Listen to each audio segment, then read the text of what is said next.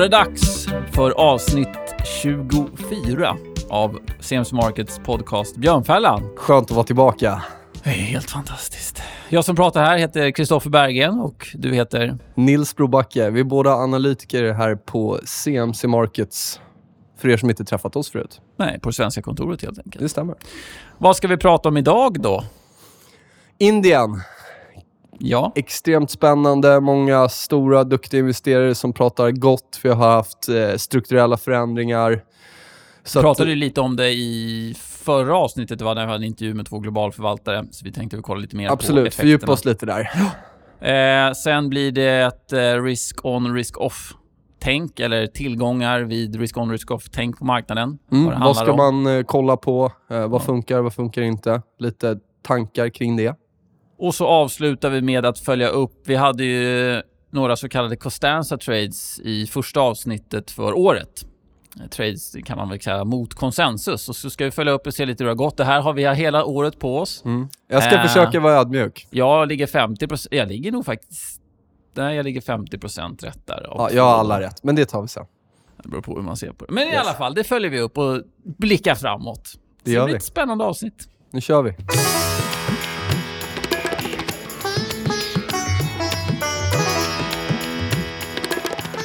Ja, men då börjar vi prata om Indien då. Eh, där har det hänt mycket spännande saker. Tänkte bara att vi ska kolla lite hur det ser ut värderingsmässigt och det är ju inte kommit upp ganska mycket värderingarna. Eh, den är inte övervärderad om man ser till snittet, men det är ingen eh, utbombad marknad direkt. Eh, I dagsläget ligger, om man blickar framåt, konsensus P eh, runt 18. Vi har pendlat mellan egentligen 18 och 16 senaste två åren tror jag en liten range där. Så vi får väl se om vi kan få fart där. Chile P, det här är ju framåtblickande. Kollar man tillbaka på snittet så ligger det runt eh, 18 i dagsläget. Där har man en, en, median på runt 20. Så att vi kan ligger någonstans i mitten. av det? Nej, inte övervärderat eller inte Nej. undervärderat skulle jag säga. Eh, sen Mitt såklart, vi är beroende av tillväxt. Mm. Och vi kommer prata om någonting alldeles strax som sätter lite käppar i hjulet för, för tillväxten i landet. Eh, och man gjorde en ganska stor förändring. Samma dag som det amerikanska valet ägde rum så beslutade man sig i Indien för att förbjuda så kallade stora sedlar. Och då handlar det om i det här fallet 500 rupee-sedlar och 1000 rupee-sedlar. Så på en natt under ett tal så sa han chop, de här är helt värdelösa. 90% av alla sedlar? Ja. Eh, 90% av sedlarna som cirkulerar i systemet blev värdelösa. Indiska index föll ganska bra, eller inte, det var inget tokras, men på en vecka cirkus gick vi ner nästan 8%. Det som dock är intressant att det tog ett tag, men nu har vi kommit tillbaka och sen egentligen början av 2017, det här valet eller beslutet togs i november. Um, jag tror att det var den 8 november. Mm. Så är vi upp nästan 17% på året. Ja, det så blev det en fin dubbelbotten där i december och sen så har, har köpare kommit in ordentligt. Precis. Och varför gjorde man det här då? Korruption va? Ja. Man jag, har du varit i Indien? Jag har faktiskt aldrig varit där. Nej, eh, jag har varit i Goa och mm. då vet man att för att saker och ting ska gå snabbt så gäller det att vara duktig med dricksen eller slash. Eh, ja, dricksen ja. kallar vi det. Ja, vi kallar det dricksen. Nej, ja. men det är lite så det funkar där. Och med många asiatiska länder, men eh, mycket så i Indien. Och Det är väl delvis det här man vill ha bort. Det är extrem korruption. Du kan inte i princip få någonting gjort utan att muta rätt person. Eh, och Det här är så djupt eh, rotat i det indiska mm. samhället. Ja, men det är väl en, det är, det är en del av kulturen. Det är en del Absolut. av samhället. Det är så det funkar. Ja.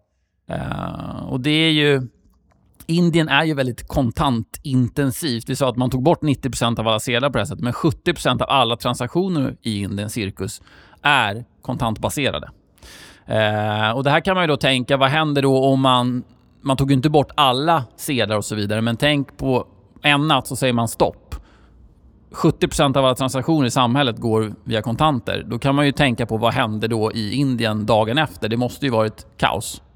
Eh, sen är ju problemet för dem att om skulle, skulle man gjort en gradvis förändring så hade det kanske blivit ännu mer kaos. Eh, problemet med korruptionen... Alltså, Indien är ju konsumtionsberoende som jag är inne på. Korruptionen kommer tillbaka i form av att det konsumeras ju mer som en del av korruptionen. Det är ändå pengar som cirkulerar i systemet. Problemet är väl då att kanske att staten inte får ta del av så mycket av den här korruptionssummorna så att säga. Det är väl lite det man ville komma åt också. När du säger staten... automatisk tax, skatt på Ja. det sättet. När det gäller just stat, jag kan väl tycka generellt sett om vi tittar på västvärlden där i princip alla har ett bankkonto och man kan inte jämföra eh, transaktionsmässigt vad, vad som sker i kontanter med Indien. Då, det är läskigt när banker och staten ska få kontroll över alla pengar. Mm. Jag vill inte ha ett kontantfritt samhälle. Jag vill inte att de ska kunna se exakt vad som händer, vad man gör. Eh, det finns eh, historiska exempel på när staten eh, väljer att ta kontroll över medborgarnas pengar. Eh, vi har till exempel bara Cypern-grejen som hände här för ett Mm. litet tag sedan där man valde att beskatta, men det finns betydligt värre exempel. Eh, och Det är klart att det här är inget problem som det är nu, men man vet aldrig vad som händer. Så generellt så är jag väldigt emot ett kontantfritt samhälle. Mm. Däremot tittar vi på Indien, så hög andel transaktioner som går kontant så att ja, här finns det ju verkligen eh, en anledning till att få in folk i systemet. Vi kommer li- prata lite mer om det Mm. strax här också. Så att eh, ja, absolut. Jag såg det var någon, nu har det några år på nacken, det var 2013 tror jag man kom fram till att 1% av eh, befolkningen inne betalade skatt. Nu beror det lite på hur mycket man tjänar och så vidare om man ska kvalificera sig för att betala skatt. Men 1% är ju en väldigt låg siffra om man säger i Mm. antal sk- eh, mängden skattepengar som kommer komma in till. Så det blir svårt med infra- infrastruktur och alla sådana saker. Staten får inte in så mycket pengar helt enkelt. Eh, som jag var inne på så är ju Indien väldigt konsumtionsberoende och det här skapar ju massiv oro. Eh, tittar man bara på, det finns ett index som heter Sales Growth Index, så kollapsade det totalt efter det här. Eh, vi har haft en stadig tillväxt flera år och ja, egentligen över en natt så kollapsade det ner till nivåer som man inte sett sedan 2014. Så det skapar en extrem oro.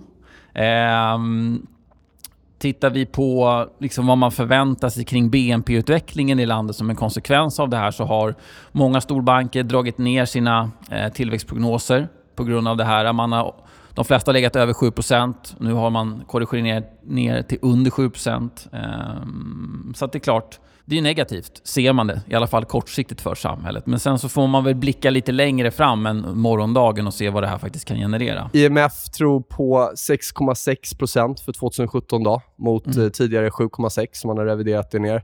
Och eh, förväntar sig stiga till 7,2 för 2018 då, från tidigare 7,6. Sen är det svårt, nu var det ju så, det är så färskt det här, så det är svårt att liksom få, men det här visar bara på hur oroliga alla blir för den här eh, manövern som man gjorde då. Då kan man ju tänka sig att det här borde ju vara ganska negativt för då den premiärminister som trycker igenom det här, för att folk fick ju lida lite. Lite småjobbigt beslut att ta. Kan tänkas att det blir en del... Ja, man kan ju tänka sig att det här borde pressa eh, den som tog det här beslutet, eh, premiärministern. Men eh, det intressanta är att i mars, nu här för eh, en månad sedan cirkus, så hade man ett val i den största regionen i Indien. Eh, och då tog han, Modis då, parti, eh, hem en riktig storslam. Jordskredsseger, Ja. som man brukar kalla det. Det var den största segern på 30 år och det här var då i den största regionen. Så att det visar ändå på att det finns ett faktiskt förtroende för den här personen. Nu är han, han är ganska populistisk och så vidare, men från att ha skapat kaos så finns det ändå ett förtroende för honom och det tycker jag ändå är värt att ta med sig när man blickar framåt. Eh, vad kommer då hända? Ja, man kan ju börja med att tänka sig att bankerna kommer påverkas positivt av det här. Det kommer skapas ganska många fler bankkonton. Eh, Jag tror att i dagsläget har 10% av Indien ett bankkonto. Vi var inne på det tidigare att man har cash. Eh, så att det här blir väl mumma då för indiska banker. Får vi se framgent vad som händer där. Eh, det kommer ju bli väldigt mycket mer styrt av alltså e-plånböcker, e-wallets och så vidare. Och en fördel som Indien har det är att befolkningen är ändå väldigt ung om man tittar brett. Det var det här Andreas och Henrik var inne på i förra avsnittet också. Man tittade på sådana typer av bolag som hanterar sådana eh, betalningar och transaktioner som känn, de tyckte kändes extremt eh, Mm. spännande. Så 60% av befolkningen är under 35 och ja, är man där och under så borde man ha hyfsat lätt att ta till sig ny teknik. Eh, för det är det som kommer krävas. Man kommer börja som sagt använda mycket appar och så vidare. Eh, det som också är intressant är att på grund av eh, diverse infrastrukturproblem etc. så är då vad ska vi säga, internetanvändandet eh, väldigt lågt i landet. Eh, penetrationen är bara ungefär 25 procent Eh, om man tittar på Indien. Kina då som är den vad ska jag säga, största internetmarknaden, eller hur man ska uttrycka det. Det lägger på 46 och USA då som har kommit lite längre, ja men där är det 80% Så där finns det också en väldig potential. Så kan man bygga ut näten etc. så får ju, kommer ju fler och fler få tillgång till, till internet och det kommer ju vara, eh, kommer ju vara nödvändigt. Jättestor potential på smartphone-sidan va? Har jag ja. förstått. 15% av befolkningen har en smartphone i dagsläget. Eh, 2020 väntas 45% ha det och sen så ja, men stiger det ju eh, successivt framgent. Jag tror att det var Bank of America, Merrill Lynch som tog fram de siffrorna. Så där finns det också en potential. Och som sagt, det kommer vara nödvändigt. För att ska man gå från ett, inte stenålderssamhälle, det är väl taskigt att säga det, men till ett egentligen hoppa jättemånga steg till att bli ett högteknologiskt samhälle, ja men då måste folk ha internet, folk måste ha smartphones, annars kommer det inte funka. Man får ändå säga att eh, de är på god väg. De har ju tagit ett hopp som andra länder har kanske gjort på betydligt längre tid. Mm. Eh, och det här är ju kanske inget som, eller det är inget som man kom på eh, igår eller för ett halvår sedan, utan den här processen började ju betydligt tidigare. Då. Eh, Digital India är ett program som har, man, man har jobbat på. Då. Eh, och, tanken är ju att den digitala infrastrukturen ska vara hubben för varje medborgare då, och digitalisera samhället. Och siffrorna som vi just nämnde visar på att potentialen är ju extremt stor på uppsidan. Men det är som sagt, som du nämnde, det är viktigt att förstå att man kan ju tänka att det här är en åtgärd som man bara gör, kanske skjuter från höften, jag vet inte. Men det här har ju, som du nämnde, sen, jag tror att det är sen 2009 har man mm. jobbat på det här. Så det är klart, det är ju... Nu tog man ett väldigt stort kliv, men man har ju, gjort, man har förberett för det här. India Stack är en plattform som är en väldigt viktig del i det här. Började utvecklas 2009, som du sa. Och Den består av olika APIs för att i princip digitalisera hela samhället. Betalningar, journaler, avtal och så vidare. och så vidare. Då. India Stack ger användaren ett unikt ID-nummer som är knutet till ditt fingeravtryck. Så Det innebär i praktiken att du kan gå ner till 7-Eleven och eh, köpa din Snickers genom att bara uppge ID-numret och eh, ja, Ja, verifiera med ett eh, fingeravtryck. Och där, det kan vi ju säga att visst, det är några länder som har eh, påbörjat den processen, men det är ju rätt otroligt att Indien eh, är mm. där. Eh, och eller på god väg att vara där jämfört med många eh, i-länder. Då, ja, precis. det är nästan så att de har hoppat förbi oss Verkligen. i den typen av um, eh, teknologi. Då. Och Det som möjliggör den här fingertrycksidentifieringen det är något som heter Adhar. Och den ingår då i India Stack och det är en väldigt vital del eftersom det är egentligen hela identifikationsprocessen. Jag har ett ID som är kopplat till mitt fingeravtryck och med fingeravtrycket kan jag trycka igenom massvis med saker och bekräfta massvis med avtal och så vidare. och så vidare. Det har ju också underlättat eh, folkräkning och allt sånt. Ja, ja, ja. De har ju haft eh, enormt mycket personer som har varit totalt utanför systemet. Det har mm. gjort att de inte kan få utbetalningar från staten staten och så vidare. Och Det här gör ju att man får in dem i systemet. Då. Precis. Och Sen är frågan, är, är man bekväm med att då helt plötsligt vara en del av systemet där som du var inne på tidigare, de har ju kontroll när du köper in Snickers? Jo, absolut. Men eh, ja, jämför man den kontrollen med hur det ser ut i Sverige så är det ju fortfarande... Alltså, det är ju, ja. snarare att de närmar sig oss, men det, det är ju på intet sätt eh, värre. Sen så, en del av den här Adhar-teknologin, det vill säga identifieringen via, eh, via eh, fingeravtrycket, är att, som vi var inne på, konsumtionsdelen i konsumtionen är en väldigt viktig del i ekonomin. Och alla eh, organisation, eller alla detaljhandlare kan man säga, är knutna mot en central organisation. Och Det man har gjort då när man har infört den här eh, förändringen, det är att man också har skapat eh, ja, BHMI heter det.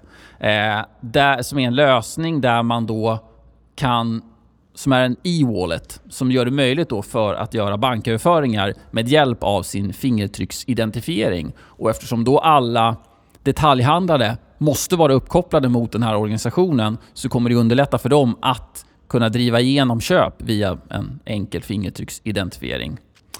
Så det var mycket smart. Eh, tittar vi på det här India Stack, eller egentligen Adhar identifieringarna som har skett genom åren så som vi var inne på tidigare, det är inget nytt. September 2012 så gjordes det 5000 sådana identifieringar per dag. Sen så har det här exploderat och det här är i och för sig siffror hösten 2016. Så i dagsläget borde det vara ännu högre, men då var man uppe i 13,5 miljoner identifieringar dagligen via då det här eh, Adhar-systemet. Eh, I India Stack under de här sex åren så har man fått in över en miljard Adhar-användare. Det har gjorts nästan tre miljarder Adhar-identifieringar. Eh, och det finns typ 340 miljoner Adhar-konton. Så att det är ju extremt mycket folk som numera är uppkopplade i det här systemet. Eh, och vill man... Fanns en, eller det finns en intressant intervju med en väldigt en väldigt engagerad människa. Han tyckte Indien var ett fantastiskt case. Ja, men det, det är en bra podd. Det är en jättebra podd. Ja. Eh, Investors podcast heter den. Jag tror att det senaste avsnittet, Raoul Paul heter han som de intervjuar. Man blir ju Eh, svårt bullish Indien efter att ha Ja, på den. jag har tagit alla pengar och investerat i Indien och Iran. Iran som- också. Ja, Iran som han pratade om. Nej, men vill ni höra lite mer om det här så lyssna på den. Den är faktiskt riktigt bra. Eh, Det pratas ju även om att man ska förbjuda importen av guld till landet. Och det hade Mm. väl redan varit vissa restriktioner hur mycket man fick hålla Exakt, guld. Exakt. Eh, och tillsammans med Kina är ju Indien ett av de länderna som dominerar Ja, de är överlägset de eh, importen av guld. Då. Eh, återigen, vad, vad är guld? Det, det blir ett sätt att förvara, förvara köpkraft. Mm. Och specifikt i ett sånt land kanske där man litar mindre på staten och sådär så blir det... Ja. Eh, som vi nämnde då så står ju svarta pengar för lite drygt 25% av den to- totala ekonomin i Indien. Och tidigare så har det här då tvättats genom att köpa guld med hjälp av stora sedlar utomlands. De är som man har förbjudit förbjudna nu. Ja. Eh, Så det finns väl ett visst case för att guldet kan åka på det ganska ordentligt om det här sker. Ja, men drar man in ett importstopp, då är det ju... Jag vet inte om de är lika stora eller inte, Mm. men man kan säga att Kina och Indien dominerar Mm. liksom importmarknaden av guld totalt. Eh, och tar man bort då en av dem, ja det är klart, då kommer ju import... Alltså, det som ska importeras kommer minska väldigt, väldigt mycket. Tekniskt sett tycker jag guldet har en nedsida till 1000.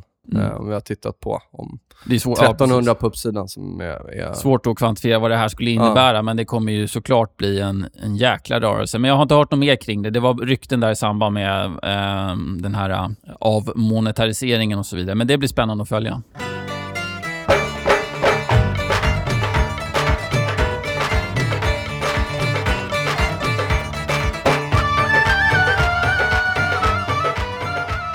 risk off. Risk on. När jag säger det, vad tänker du då? Då tänker jag på Wax On, Wax Off. Ja. Eh, Karate Kid, Mr Miyagi. Just Eh, men det är inte det vi ska prata om. Nej, Vi ska prata om Risk On, Risk Off helt enkelt. exakt. Eh, och egentligen tillgångar som är Bra att titta på va? ja, knutna till den här typen av, av rörelser. Men om man ska se det ut i ett längre perspektiv innan vi går in på specifika tillgångar så är det ju... Marknaden har ju ett visst humör. Mm. Ibland är vi positiva, ibland är vi negativa. Så är det. Är vi positiva, ja men då flödar pengar in i tillgångar som väntas ge en hög avkastning. Det är ganska logiskt. För då vill man ju vara investerad mot positivt momentum. Man brukar prata om till exempel positivt nyhetsflöde. Varenda nyhet som kommer ut köps på. Ja. Eh, på samma sätt när det är negativt nyhetsflöde att eh, ja, nyheter som kanske skulle varit positiva egentligen när det är positiva handlas ner istället. Man kan ju ta, nu är inte introduktionen lika hett. Det är hyfsat hett, men det var ju ett tag där för, var det ett år sedan kanske, Mm. som det var liksom helt galet. Det var När bara Fingerprint stod på all time high. Ja, precis. Ja, men då var det verkligen risk on gällande IPO. För Ja. Då skulle alla vara med på allt. Det spelar ingen roll vad som kom in, det liksom bara drog Allt rakt upp i skyn. Ja. Eh, risk off, ja men det är åt andra hållet. Marknaden är lite orolig, någonting tynger, det kan vara massvis med olika saker, men då väljer man generellt sett att flytta tillgångar. Flödena flö pengarna flödar in i defensiva sektorer, det flödar in i defensiva tillgångar såsom obligationer och så vidare, för att man vill skydda. Man vill Framförallt inte risk. osäkerhet och oförväntade eh, Ja. utfall som brukar vara läskigt för marknaden. Precis.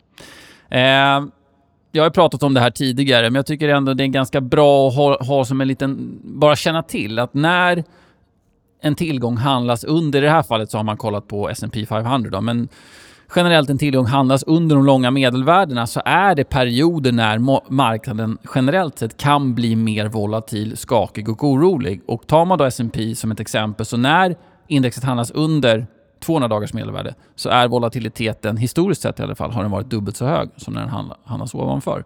Det är bara värt att ha med sig en enkel tumregel. Släng in ett medelvärde så får man lite risk-on, risk-off-känsla.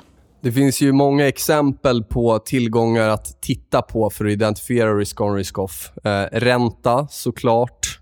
Eh, vi har yen som historiskt Mm. sett har varit en eh, risk off-valuta. Dollar, vi har guld.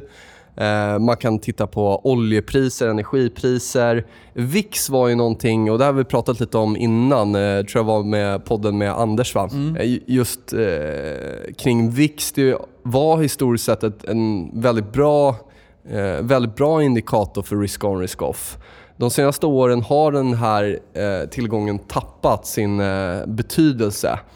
Eh, vad VIX mäter är ju 30 dagars rullande volatilitet. S&P förväntade volatiliteten. förväntade volatiliteten, det stämmer bra. Eh, problemet är nu att det går in... Dels så är det otroligt mycket produkter som är kopplade till VIX, certifikat etc. Så många handlar, tradar den här underliggande volatiliteten. Eh, vi har pratat om det innan också. Det har varit en välanvänd eh, trade. Alltså, En eh, yieldmaskin. Ja, kort VIX, eh, för er som kommer ihåg.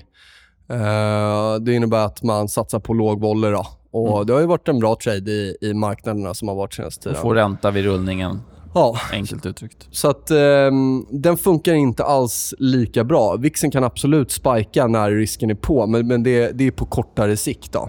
Eh, så jag, jag, jag tycker inte att den funkar lika bra längre. Det jag fokuserar mest nu på och har gjort den senaste tiden, det är energi. Eh, titta på HUG som vi har nämnt innan. Eh, Corporate Bond Index och oljan framför allt. Ofta är det så att marknaden hittar en sak att fokusera på. Eh, För några år sedan så var det yenen, eh, nu har det varit energin. Senast nu här när vi bottnade ur i oljan, eh, 50. Eh, tittade på HUG-indexet kring 86. Det finns en artikel på vår hemsida om ni vill läsa det. Men eh, gav väldigt bra indikation på den börsbottnen. Eh, och, och ehm, ja, just varför kopplingen finns där också, det är ju för att i det här HUG-indexet så är det ju väldigt många energirelaterade bolag. Då, så. Så att, eh, Viktigt där att säga, jag tycker alltid att man ska handla varje graf som sin enskilda graf. Eh, Men korrelationer i perioder fungerar väldigt bra och just nu fungerar energiindikatorerna väldigt, väldigt bra. Och det beror, som du säger, det beror på vad marknaden fokuserar på. Just det. För ett tag sedan var det... Då var man orolig för Deutsche Bank, att Mm. de skulle putta. Det var, de hade sin... Liksom, ja, precis. Och då tittade marknaden Cocos. väldigt mycket på okej, hur mycket är man be- beredd att betala för, betala för att skydda sig mot en konkurs i Deutsche, det vill säga något som kallas för CDS. Och då var det under jättefokus. Om den drog iväg, ja men då blev det risk-off helt plötsligt. Och så kom den ner, ja men då var det risk-on igen. Så det var väldigt mycket fram och tillbaka just kring Deutsche. Och som du var inne på med de här HIG och Mm. Junk-index, eh, INK heter det va? Det var ju väldigt mycket ropet för cirkus ett år sedan. Mm. När vi hade en riktig, riktig sell-off i olja. Vi Ja, var det var i februari bottnarna där. sen. Men den har, och den har ändå funkat och funkar fortfarande. Men där är det viktigt, återigen. Det är som en, en bra trade. Vi köper bottnar i en bra uppåttrend. När det slutar funka, då måste vi vara adaptiva och ställa om. Eh, och Det kan vara så att det kommer funka ett tag till, men det kan också vara så att den korrelationen slutar. Så där, där är det viktigt att kunna ställa om. Eh, sen ska jag säga också att man kan kolla på en sak eller ett par saker, men när allt eh, ställer sig åt ett håll och då menar jag att räntan ser, ser ut att eh, komma ner, eh, guldet ser ut att gå ner. Eh, till exempel eh, dollarn som faktiskt har varit en risk-on-trade eh, senaste åren. Dollarn upp, börsen upp och energi ser ut att ha bottnat ur. Då ger det mig extra conviction. Om allt det här radar upp sig, eh, då, då ökar sannolikheten för att det jag tittar på stämmer. Jag vet att februaribotten 2016 eh, var det just de parametrarna som radade upp sig väldigt fint. Eh, tror fa- faktiskt jag kollade den botten. Eh, och då var, det, då, då var det just att det här... Backtrading. Nej, det finns en artikel på hemsidan, så det är bara att följa upp i efterhand. Ehm, så att då radade allt det här upp sig och det har ju faktiskt eh, det, ja, bara gått upp sen dess. Så att, I de få fallen när allting stämmer, då, då, eh, då blir jag extra sugen. Då. Men sen kan det skilja. Ibland är det guldet, ibland är det oljan, ibland är det dollar. Eller det beror på är. vad marknaden just nu är orolig för. Är det Fed, är det räntehöjningar, är det räntesänkningar, är det QE, whatever. Vad marknaden fokuserar. Man brukar kunna få en liten känsla kring det och då, då, Ja, då är det, det, man fokuserar pratas på ju om det. Det pratas på Twitter. Ja. Det är liksom, man, där, där får man försöka ha den känslan vad, vad nyhetsflödet fokuserar på, vad traders fokuserar på. Det är, det är oftast när det väl fokuseras på någonting så fortsätter det ofta en tid att göra Mm. det också. Du var inne på yenen där. Det som är Mm. lite intressant med den har ofta varit en så kallad funding currency. Det vill Ja. säga att eh, när det är risk-on på marknaden så lånar man i lågräntevalutor kan man säga och sen så köper man aktier för det. Och sen Carry man, trade. Ja, exakt. Ett finare ord för det. Eh, och sen så när man känner att det är risk-off, ja, då väljer man att eh, stänga aktiepositionen och eh, egentligen, ja, det blir som att man köper tillbaka valutan eh, och då får man ju en rörelse i den. Tittar man på USD JPY så typiskt sett så förstärks yenen och så dollarn ner som du var inne på. Eller paret, valutaparet ner. Det var ju många som fastnade i den traden efter att ha i princip eh, halva världens eh, fond, hedgefonder körde den traden så, så gick den ju emot ganska hårt här Mm. när eh, yenen tappade från 120 till 100. Då var det inte lika kul att sitta på den. Det var många som satt fast där. Och då blir det ju verkligen risk-off. Yes. Sen pratade vi om VIX och vi har pratat om det här SKEW. index. Jag tänkte bara nämna det som en, som en ja, liten avart. det. Men det är ett annat typ av index som mäter egentligen hur mycket man är beredd att betala för att skydda sig. Jag såg en, eh, eh, en artikel om vad egentligen det säger om förväntningarna och risken i marknaden. Och det man kom fram till var att egentligen ingenting. Man kan inte förutse någon form av framtida risk, alltså negativ avkastning eller positiv avkastning. Det var typ helt random. Mm. Det enda det säger är att ja, nu är jag beredd att betala mer idag än vad jag gjorde igår för att skydda mig. Eh, så det finns inte så mycket projektionsfakta fakta i skewen. Vad är den ultimata risk-on-indikatorn för börsen då, skulle du säga? Är det typ ISM, eller?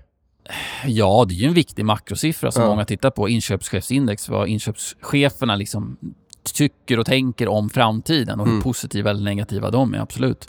Sen om man tittar på ett väldigt långt perspektiv så är egentligen den ultimata risk-on-faktorn är ju om bolagen kan generera Tjäna vinster. cash. Men då pratar vi investeringar, det är inte så mycket trading i det. Men ett positivt mom- vinstmomentum, ja men det är ju väldigt mycket risk-on i den aktien såklart.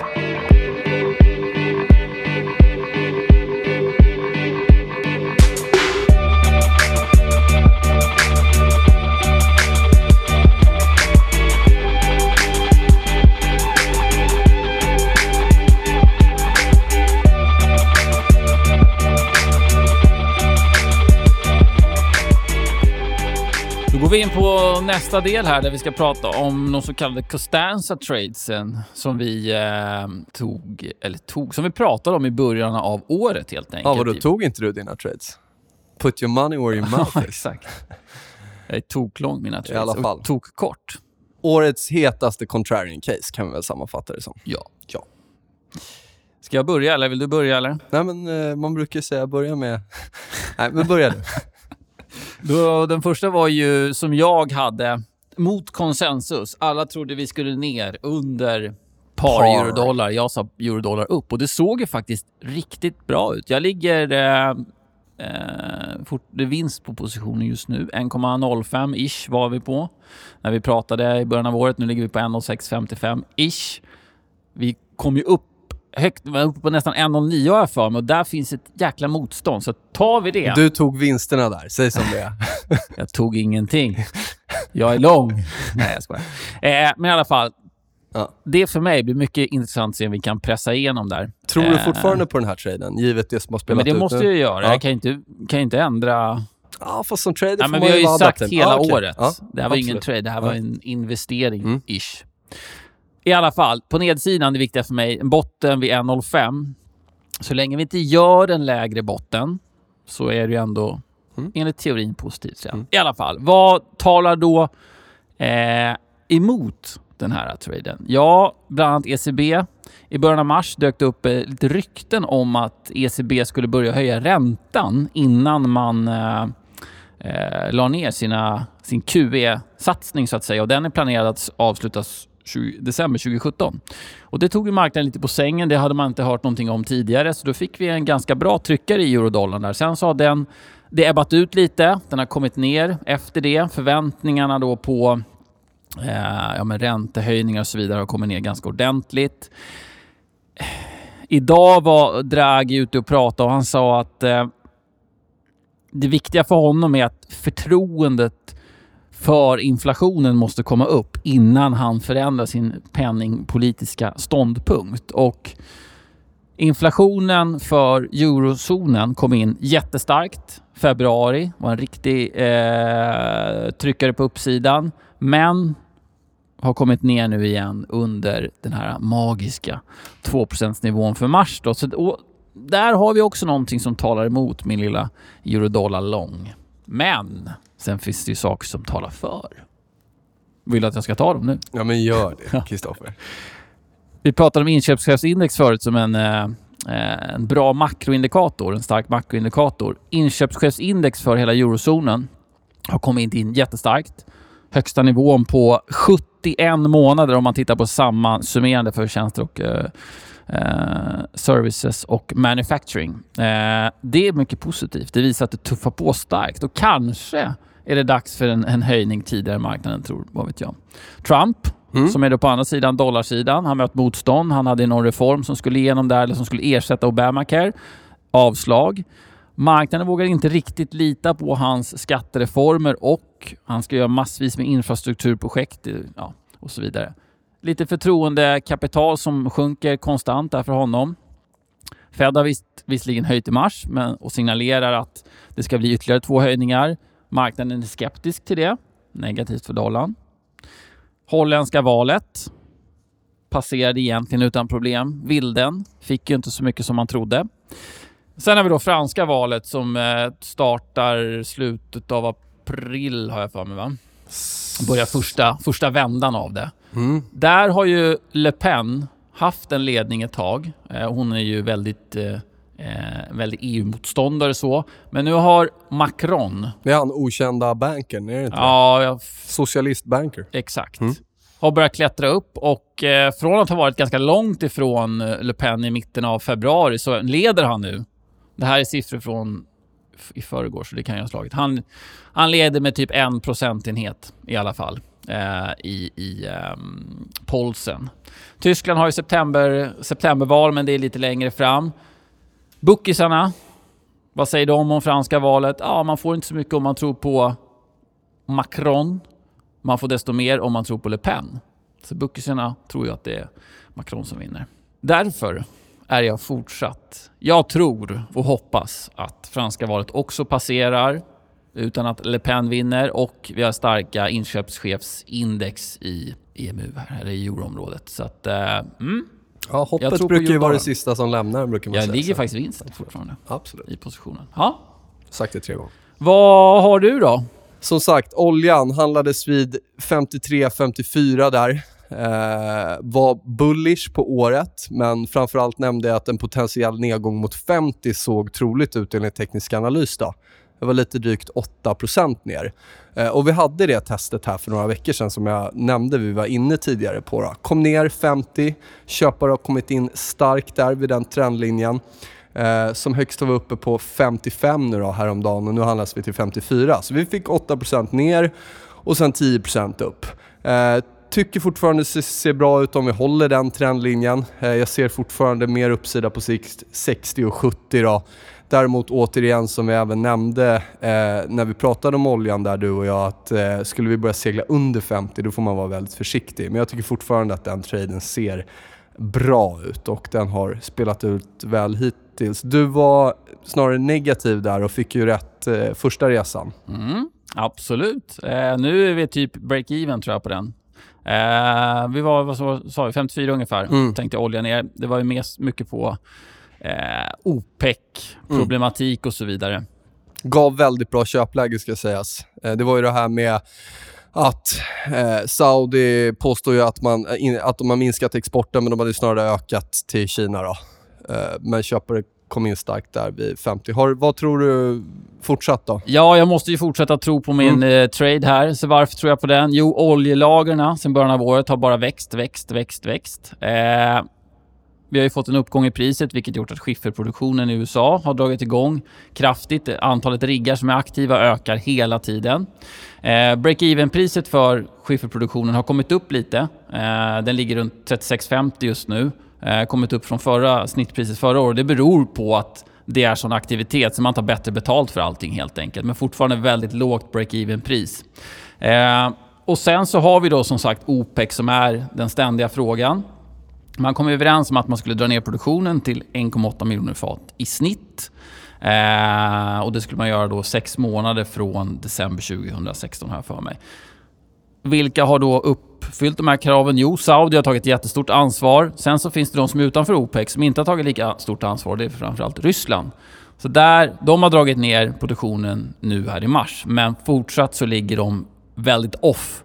De så kallade non-OPEC-länderna har inte alltid uppfyllt sina krav. Vilket förmodligen kommer skapa diskussioner framöver. Jag såg även att eh, andelen spekulativa långa positioner i oljan är högsta någonsin ja. just nu. Vilket ja, eh, kanske ändå känns lite läskigt. Däremot kan det absolut ta det vidare färd upp då. Mm, och även prata om att OPEC är ute och försöker påverka och, och sådär. Vissa, eller många hedgefonder och, och ta vissa typer av positioner. Då. Mm. Så det är klart att även fast oljepriset har stigit så uh, bränner fortfarande Saudi cash.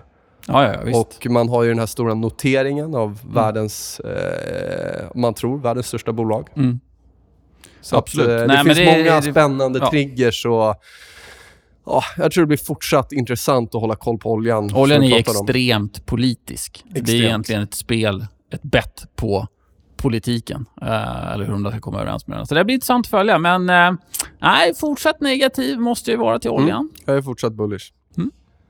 Bra. Pundet går vi över till. Eh, citerar det här. Efter en långvarig nedåttrend för pundet mot flertalet valutor, USD, euro, SEK, eh, Aussie-dollar, yen, så har pundet äntligen bottnat ur enligt teknisk analys. Adderar vi mängden negativa nyheter för pundet, Brexit etc. så ter sig pundet vara ett av de mest spännande contrarian-casen i år på valutamarknaden. Börjar vi se bottnar, eh, eller lägre bottnar under 1,2 får man vara försiktig. Men håller de bottnarna eh, och köpare kommer in så ser potentialen väldigt fin ut på uppsidan. Var det slutcitat där eller? Eh, ja, slutcitat. 1.21 stod vi vid då. Nämnde 1.2. Den kom faktiskt in bara några dagar senare. Eh, sen drog vi på ordentligt där. Upp som mest 6% i januari. Toppade ur på 1.26,5. Kommit ner igen, testade 1.21. Ni hör, det är viktiga signifikanta, samma nivåer. Blev ett race upp på 4 och nu handlas vi till lite drygt 1.25 igen. Då. Eh, i början av året så sa jag att potentialen var cirka 20% på uppsidan, alltså upp ända till 1,43. Eh, så det är en bra bit till. Jag tycker fortfarande att pundet ser väldigt, väldigt spännande ut. Det ska vara spännande till slutet av året. Det ska det. Eh, ska vi lägga in en liten eh, brasklapp här också, att inget av det som vi har sagt nu ska ju ses som köp eller Självklart inte. Allmän information. Så. Allmän information. Yes. Eh, yen var ju mitt andra case. Eh, citera där igen då. Den mest undervärderade valutan fundamentalt sett. Jag pratade om en, en snigelchart som vi hade tittat på. Eh, tekniska analysen eh, höll med. Eh, var väldigt överköpt. Det hade varit ett fantastiskt rally när det hade gått upp från, med 18% från 100 till 118 då. Eh, och det började se ut som att det toppade ur. Vi handlades då vid 116. Jag nämnde att om de nivåerna håller på uppsidan, eventuellt lite högre, så kan vi få se 96. Vi har absolut inte kommit ner där ännu, men vi har faktiskt kommit ner ända till 110 då. Så det har ändå varit eh, ner 5% lite drygt. Eh, tror fortfarande vi kan ta, gå ner under 100. Eh, på kort sikt kan vi komma upp och testa utbrytet här 112-113 men jag tycker fortfarande yenen ser eh, spännande ut. Då. Så att, eh, ja. Tre av tre. Hittills.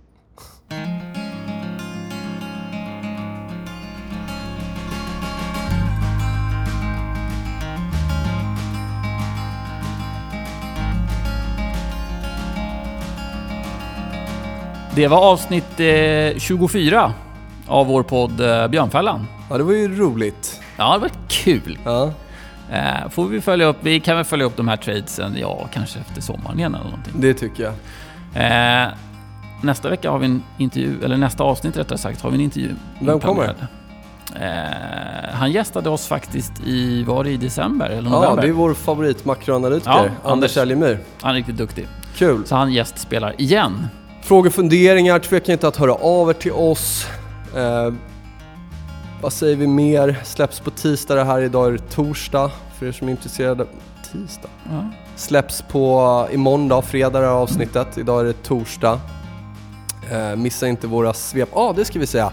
Vill ni handla Indien så kan ni med fördel göra det hos CMC Markets. Vi har upp till 10 ETFer, både småbolagsindex och eh, de lite bredare. Vi har terminerna, vi har cashindex.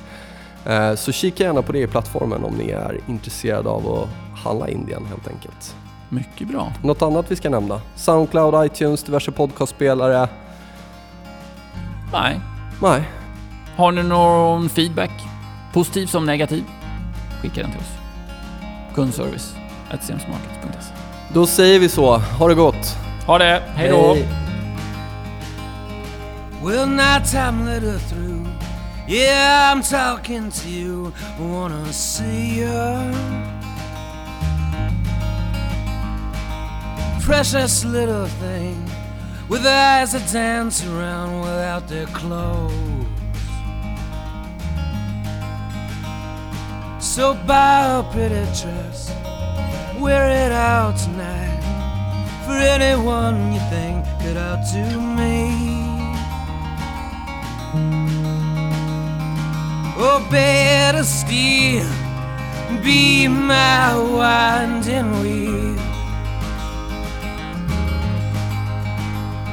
Cause I feel just like a map without a single place to go of interest. And I'm further north and south.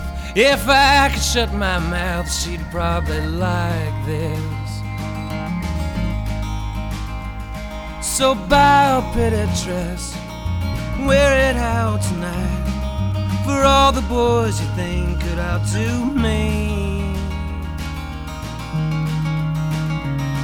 Oh, better still, be my winding wheel. Be my winding wheel.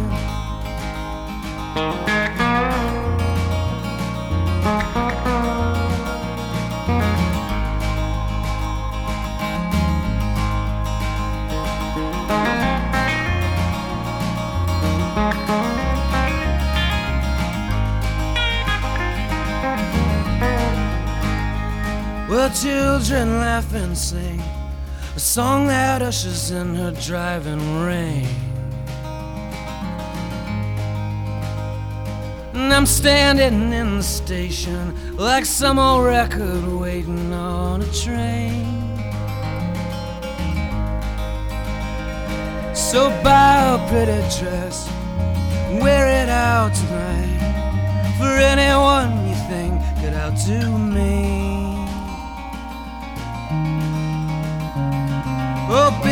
of steel be my winding wheel.